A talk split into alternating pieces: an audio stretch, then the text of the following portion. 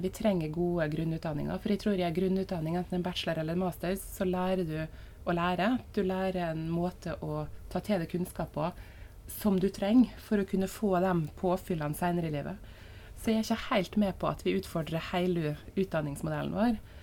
Men jeg tror vi må flytte mye ressurser til å, å være eh, oppe på tå og kunne ta imot folk som trenger korte snutter, eller som trenger kanskje tema og fordypning over litt tid seinere i karrieren.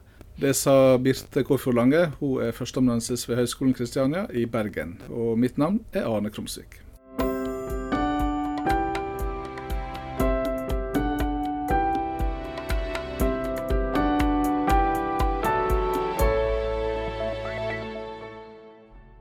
Høgskolen Kristiania er et spennende sted å være akkurat nå. Det er kjempespennende her. Rett og slett fordi at den kombinasjonen av folk med erfaring og faglig tyngde som vil noe, og som vil så mye samtidig, det matcher veldig godt det suget i markedet nå etter mer læring. Etter etter- og videreutdanning, livslang læring, nye måter å lære på. Um, andre måter å gjøre det på enn at du har den historiske liksom, Nå er jeg ferdig utdanna sykepleier, så skal jeg jobbe som det i 50 år, og så er jeg pensjonist i de siste 20. Høgskolen Kristiania er for meg en dødskul plass nå å være, rett og slett fordi vi er, vi er rigga for den nye virkeligheten Altså, mange må tilpasse seg til. Men som jeg tenker, vi har faktisk et forsprang der, og så er det opp til oss om vi greier å bruke det, og hvordan vi skal bruke det, og hva vi greier å gjøre ut av det. Men vi har noe bra der, og jeg ser masse, masse gode krefter som vil bruke det. Så, så jeg har liksom veldig tro på prosjektet vårt, eh, både internt og eksternt, at vi, vi passer med en tidsånd, eller en bølge, som, som jeg tror vi kan treffe hvis vi er litt gode nå. Hva er det som gjør at vi er særlig godt uh tilpassa, syns du? Jeg tror det er tre ting. Ehm, det ene er kombinasjonen av mye praktisk erfaring og høy akademisk kompetanse i fagstab. Altså Du har en unik sammensetning som i hvert fall ikke jeg har sett i andre, eh, andre høyskoler eller universitet i, i, Norge. Eh, kanskje internasjonalt, men i hvert fall ikke i Norge. Så det er det ene. Og det andre er at vi har eh, bredde i fagmiljøet. Altså vi har både for min del, som jobber på ILO, ledelsesfag, men så har vi teknologi som et naturlig miljø rett ved siden av oss. Det er ikke en annen skole, det er ikke langt unna. Eh, vi har helse, eh, og helse og ledelse kan du kombinere. Så det er veldig mange muligheter innafor butikken vår. Uten at vi er så store at de ikke aner hva som skjer i andre deler av bruket. Så det er to. Og det tredje er jo selvfølgelig den, der, den praksisnære. Som, det er litt med fagstab å gjøre, men jeg tror det er mye mer enn det. Den ideen om at alle skal få en sjanse. Alle som er om vi er i jobb i dag, eller om vi vil inn i arbeidslivet, om vi vil bytte karriere. Det å være praksisnær og være tett på, det er det tredje beinet. Og det begynner jo veldig mange av konkurrentene våre å snakke høyt om. Til og med universitetene, de tunge liksom mastodontene, skikkelig teoritunge, gode institusjoner, Snakk om praksisnærhet nå. Men vi har gjort det så lenge at vi har en troverdighet på det. Så hvis vi er smarte og greier å ivareta det, så tror jeg de, de tre fagfolk med blanda eh, erfaring både fra praksis og teori, gode fagmiljøer som kan spille sammen, og praksisnærhet på tvers av alle. Hvis vi greier liksom de tre faktorene samla, det tror jeg Der ligger det noe gull. Nå har jeg fått i oppdrag også å være med på å utvikle denne organisasjonen til å bli et uh, fullverdig universitet. Mm. Og Det betyr jo sånn akademisering. Hva slags råd vil du gi meg på veien for å klare å beholde den uh, situasjonen som du beskriver? det å gi rektor råd, det er jo en litt sånn farlig øvelse. men hvis jeg skulle gi et råd som ikke var sånn til, til, rektor, men som kanskje var sånn Hva er det beste ideen jeg kan se vi skal gjøre? For jeg er sikker du har veldig mye innsikt, og det er mange gode folk rundt deg som gir det gode råd. Men fra mitt ståsted så tror jeg det å det å ikke bli som alle andre universitet, det er vel kanskje skrekken. Og vi ser at de høyskolene som sliter eh, på vei mot universitet, de mister litt seg sjøl mister litt den egenarten. Profesjonsstudier som har vært veldig gode i det de har vært, og som plutselig ikke skal være det lenger. Og så finner de ikke helt den nye identiteten. Så det er et eller annet knep knytta til å greie å bli universitet nok, men ikke miste det vi er. Og jeg vet ikke konkret hvordan det ser ut. Det tror jeg vi finner ut. Vi må finne ut hva er de absoluttene som vi må levere på. Vi må ha doktorgrader. Vi må ha publiseringer. Det er en del krav vi må ha, men har vi noen frihetsgrader, så bør vi kanskje være like opptatt av å finne ut hvor er de hen. hva gjør vi for å bruke de frihetsgradene våre klokest mulig? Um, for det er fort gjort da, å bli veldig opptatt av kravene. Sant? Vi, doktorgradene det er det viktig, og vi må få det til. Men vi må ikke bare, huske, vi må ikke bare tenke på det vi må. Vi kan kanskje òg prøve å være opptatt av hvor har vi frihetsgradene våre, og hvordan bruker vi dem. For ja, klart vi skal bli universitet. Det skal vi jo. vi lykkes med det der hvis vi alle vil det nok. Og det er kanskje det andre rådet, at det er ikke nok at du vil det, eller at styret vil det. Eller til og med om de nye dekanene våre vil det vi på grasrota, om du vil, vi må òg ville det. For jeg tror det ligger veldig mye kraft i å få folk til å ha lyst. Da gidder vi å stå på litt mer, da skjønner vi hvorfor. Da bruker vi litt mer av tida vår på de tingene vi trenger å bruke tida vår på. Så det er jo noe med forankringen helt ut, som i tillegg til frihetsgrader er Jeg tror det er et suksesskriterium. Det er mye dyktige folk med det, vet du. ja, det er en skikkelig, skikkelig bra gjeng, altså. Og så er det jo fint at, eh, at eh, det er en slags krav fra samfunnet også, det der med å være praksisnær. Mm. At vi, at vi et konkurransefortrinn der som er, er redd for at vi skal, skal uh, gi fra oss det. Mm. Det må vi liksom klare å, mm. å holde på. Men, men eh, når du jobber som førsteamanuensis, hva er din strategi for å sikre at du gir praksisnær undervisning? Jeg er veldig opptatt av å ha gode dager. Jeg skal være helt ærlig. Jeg tenker at Ting som er kjekke å holde på med, blir det ofte mye av. Så hvis vi finner eh, gode relasjoner, gøye prosjekter, eh, gode folk å jobbe i lag med, eh, spennende fenomener, så prøver jeg å styre min etter dem. For jeg vet at hvis jeg skal gjøre ting som jeg syns enten er veldig kjedelig eller lite givende, så tvinger jeg meg til det. Og jeg kan tvinge meg så langt. Men hvis jeg, hvis jeg, kjenner at det er litt artig, hvis det er litt gøy det jeg holder på med, hvis jeg har en glede av det, eh, da vet jeg at da økes sjansen for at de får det til. Så jeg leter egentlig veldig mye etter arbeidsglede. Jeg finner folk. Jeg har veldig gode kollegaer. Forskningsprosjekter med veldig gode kollegaer internt. Gode nettverk eksternt på andre høyskoler. Vi er jo i Bergen og har nær kobling til NHH. Vi har jo dem rett i nærheten. Der er mange flinke, gode folk. Og sammen i næringslivet. Vi har jo gode, gode kontakter i næringslivet. Hvem, hvem, gjør noe spennende? Hvem gjør noe jeg lurer på? Så det tror jeg kanskje min, min driver er rett og slett å finne ut av hva er artig akkurat nå, og så tvinge meg til å holde ut lenge nok og få skrevet. Da. Det er jo det som ofte blir, blir, jobben, å faktisk analysere og skrive lenge nok til at det blir publikasjoner. Uh, og finne gleden i det. Men, men jeg er nok kanskje litt enkel i hodet på den måten der. At jeg, jeg går etter arbeidsglede og folk som, og prosjekter som gir meg glede. Studentene de er um, opptatt av uh, det praksisnære? Ja, det, det, opplever jeg absolutt at de er. Og jeg tror studentene våre som søker seg til HK, de er nok kanskje mer opptatt av det enn den gjennomsnittlige studenten. Så vi har en uh, list som kanskje ligger, forventningslist som kanskje ligger litt høyere på HK enn det mange andre høyskoler har. Um, og det skal vi være glad for, for det pusher oss jo. Da må vi jo faktisk levere noe.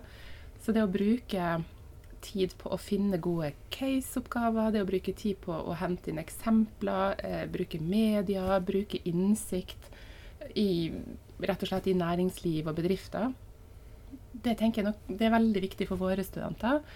Og de er ikke sikkert alltid at de er så eksplisitt på å etterspørre det, men jeg ser jo at de, de er veldig glad for når de får det. Så det å være praksisnær trenger ikke å bety at alle forelesninger alltid har med et case. Men hvis det går mer enn en eller to, og du ikke har vært innom noe, da bør det være et rødt flagg opp, og du bør tenke hva betyr dette i praksis? Fortell litt hvordan du går fram når du skal lage et, et case som fungerer til undervisning. Jo, um, jeg pleier alltid å begynne med slutten. Jeg tenker hvorfor skal vi gjøre det? Altså, hva er målet? Hva, vil, hva, hva, skal dette egentlig føre til? Hvorfor skal vi ha dem igjennom denne øvelsen, eller hva, hva vil jeg at de skal sitte igjen med? Eh, det er jo fordelen av å jobbe med sånn NOKUT-beskrivelser, at læringsutbyttet har blitt drilla på ikke hva vil jeg lære dem, men hva skal de sitte igjen med. Så hvis vi begynner med slutten, og så tenker ok, er, hvis vi skal dit, hvilke løyper kan få oss dit? Og så kan du kjøre den vanlige løypa med bare liksom fortelle dem veien rett fram. Og det kan jo bli greit, men det kan bli litt kjedelig òg.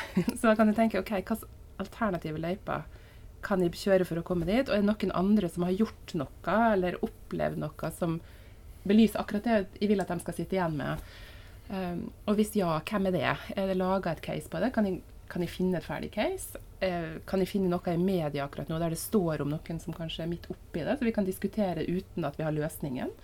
Um, veldig ofte så har jo studentene sjøl erfaringer. Altså det å få dem til å bare trekke opp et lerret og så komme med noen stikkord, men så la dem sjøl få lov til å fylle på.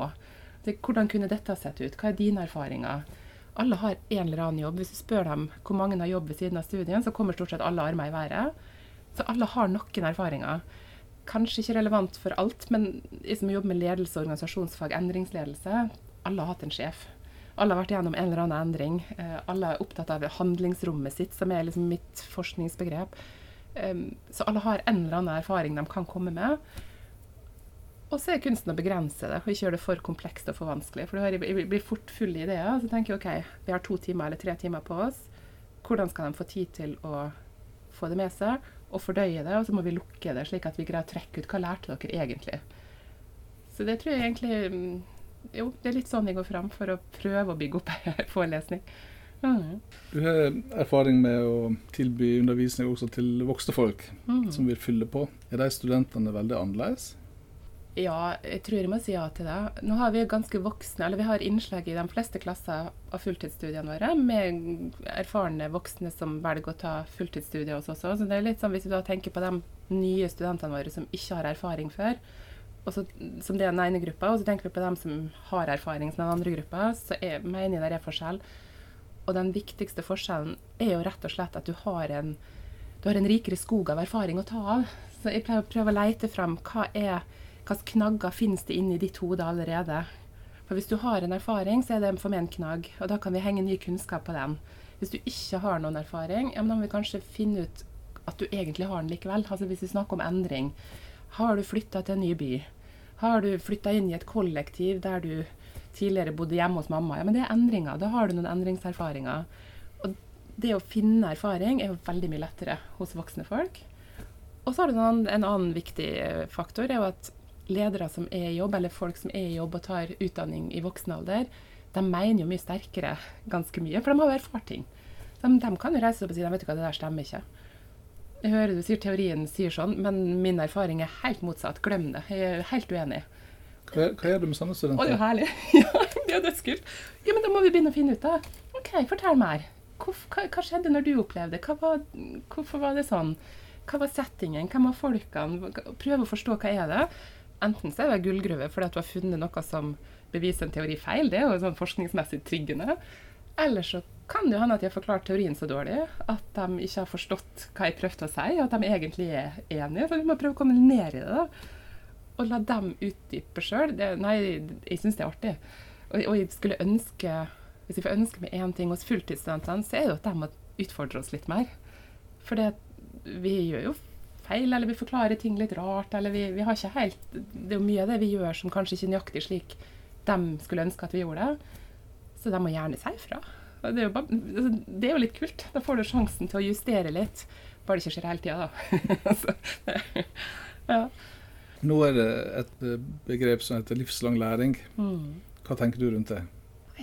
Hva tenker rundt livslang læring? Jeg håper at vi kommer forbi at det er en sånn politisk floskel.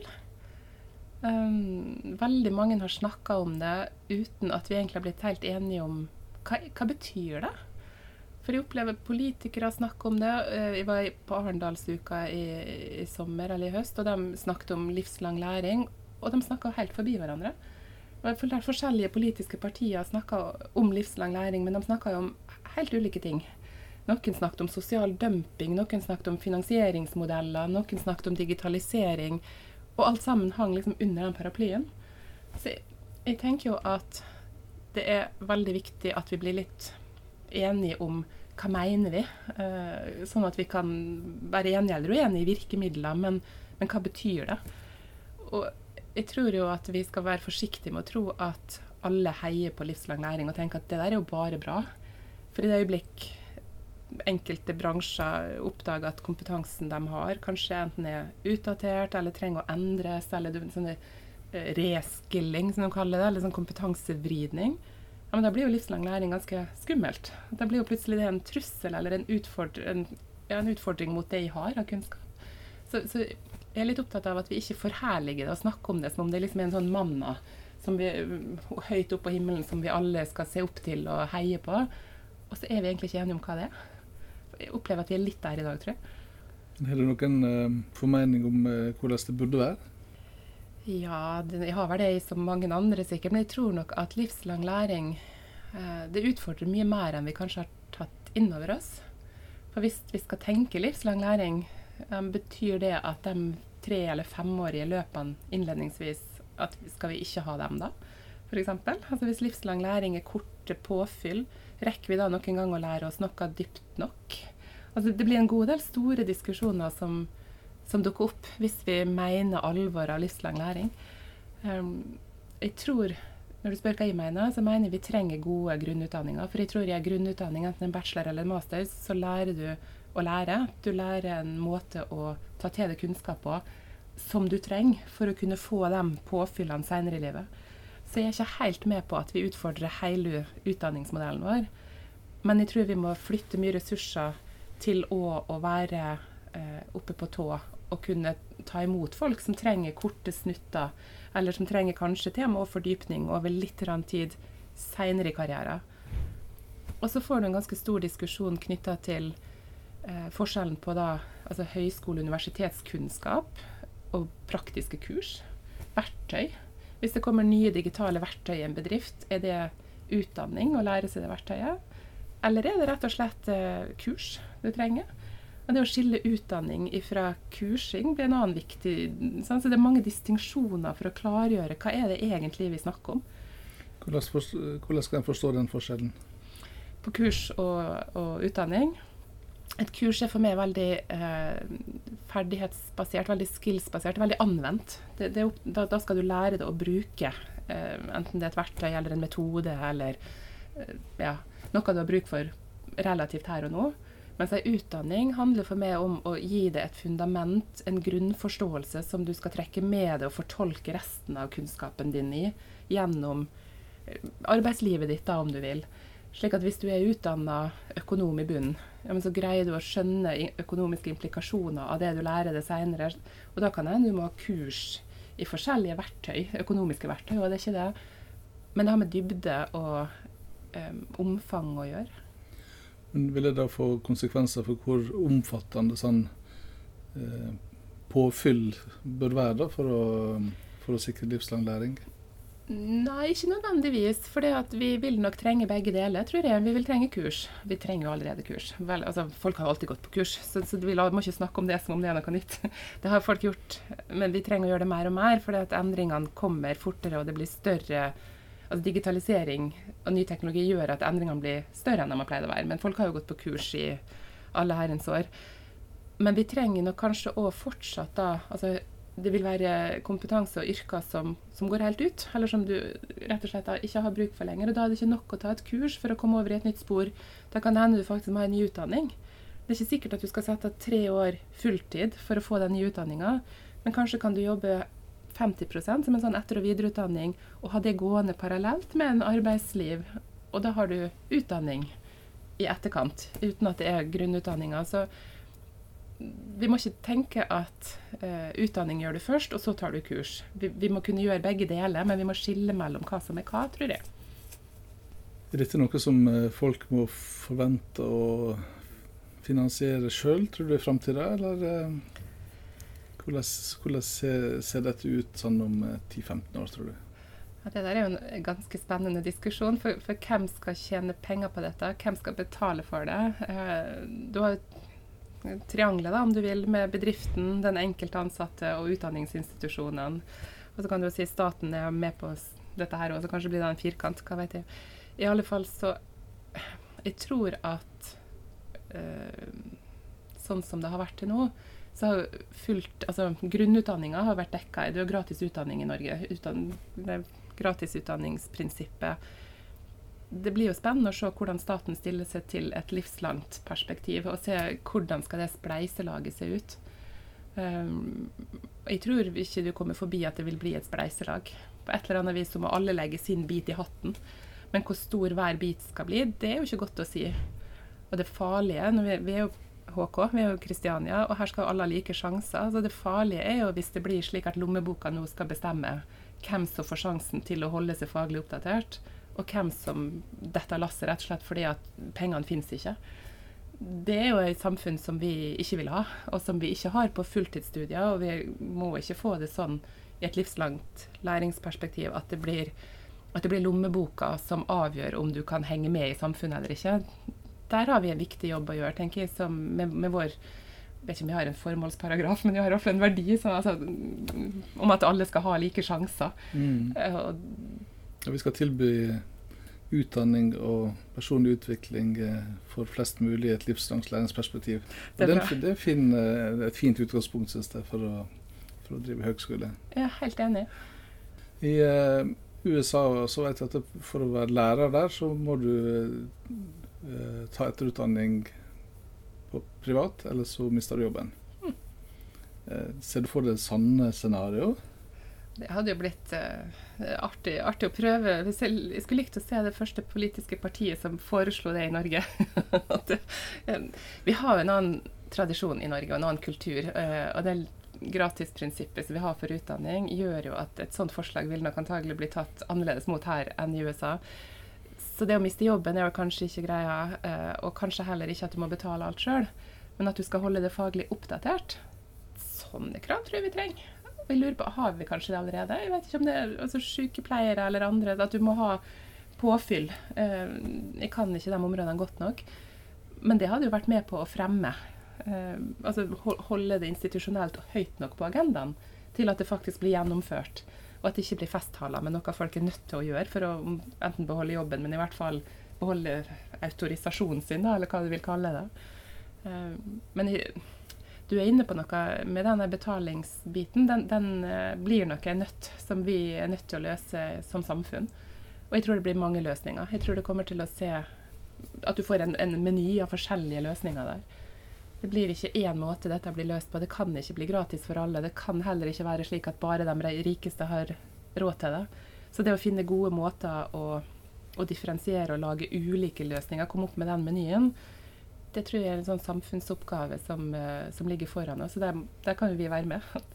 Som, som høyskole og som privat stiftelse så, så, kan jo vi være med på det. Bør vi kanskje til og med være med på det? De som eh, allerede nå er aktive og tar etter- og videreutdanning, hva er de først og fremst eh, er ute etter? Jo, det er jo litt morsomt. Eh, jeg har jo bakgrunnen min fra, fra NHH. Og når vi på fulltidsstudiene på, på Norges handelshøyskole, så velger jeg husker ikke hvor høy prosentandel, men en veldig stor andel ønsker da finansfag og økonomifag, altså tallfag. Og de kommer ut og kan virkelig, virkelig, virkelig regne. Så går det noen år. Og så kommer de tilbake igjen til NHH, da kommer de til etter- og videreutdanninga, så sier de jeg har verdens beste analyser, jeg kan regne ut ting nøyaktig, men det er ingen som hører på meg. Jeg trenger å lære mer om ledelse, jeg trenger å lære mer om strategi, jeg trenger å lære mer om hvordan jeg skal motivere folk til å få lyst til å gjøre de tinga som jeg skjønner riktig, for jeg har jo analysert meg fram til at dette må vi gjøre. Og jeg tror det er litt sånn modningssak at eh, det å Altså på etter- og videreutdanning så er du mer drevet av hva du faktisk har bruk for i en større betydning enn bare skills, eller bare det, det å være veldig god på det analytiske. Mm.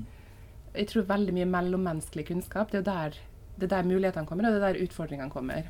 Jeg tror aldri jeg har hørt om en sjef som har blitt sagt opp fordi han var for dårlig til å analysere noe, men det er ganske mange sjefer som har røket på relasjoner eller konflikter, eller på å ikke være god nok til å håndtere liksom, den den menneskelige biten, om du vil. Har kommet på kant med folk eller behandla folk rett og slett dårlig. Så jeg tror det, det er litt morsomt at vi kaller det for mjuke fag, for det er jo noe av det vanskeligste. Eh, soft skills på engelsk, og så har du hard skills. Jeg tenker jo det er noe, The hardest you can do, det er å få folk til å følge det.